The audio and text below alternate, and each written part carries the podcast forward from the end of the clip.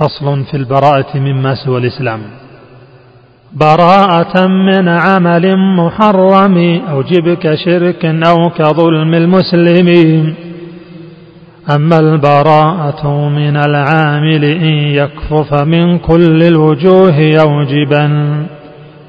إلا بقدر حوبه وذنبه لأن إيمان البغي في قلبه. ما زال فالذنب وطاعة النبي قد تسكن القلب الضعيف والأبي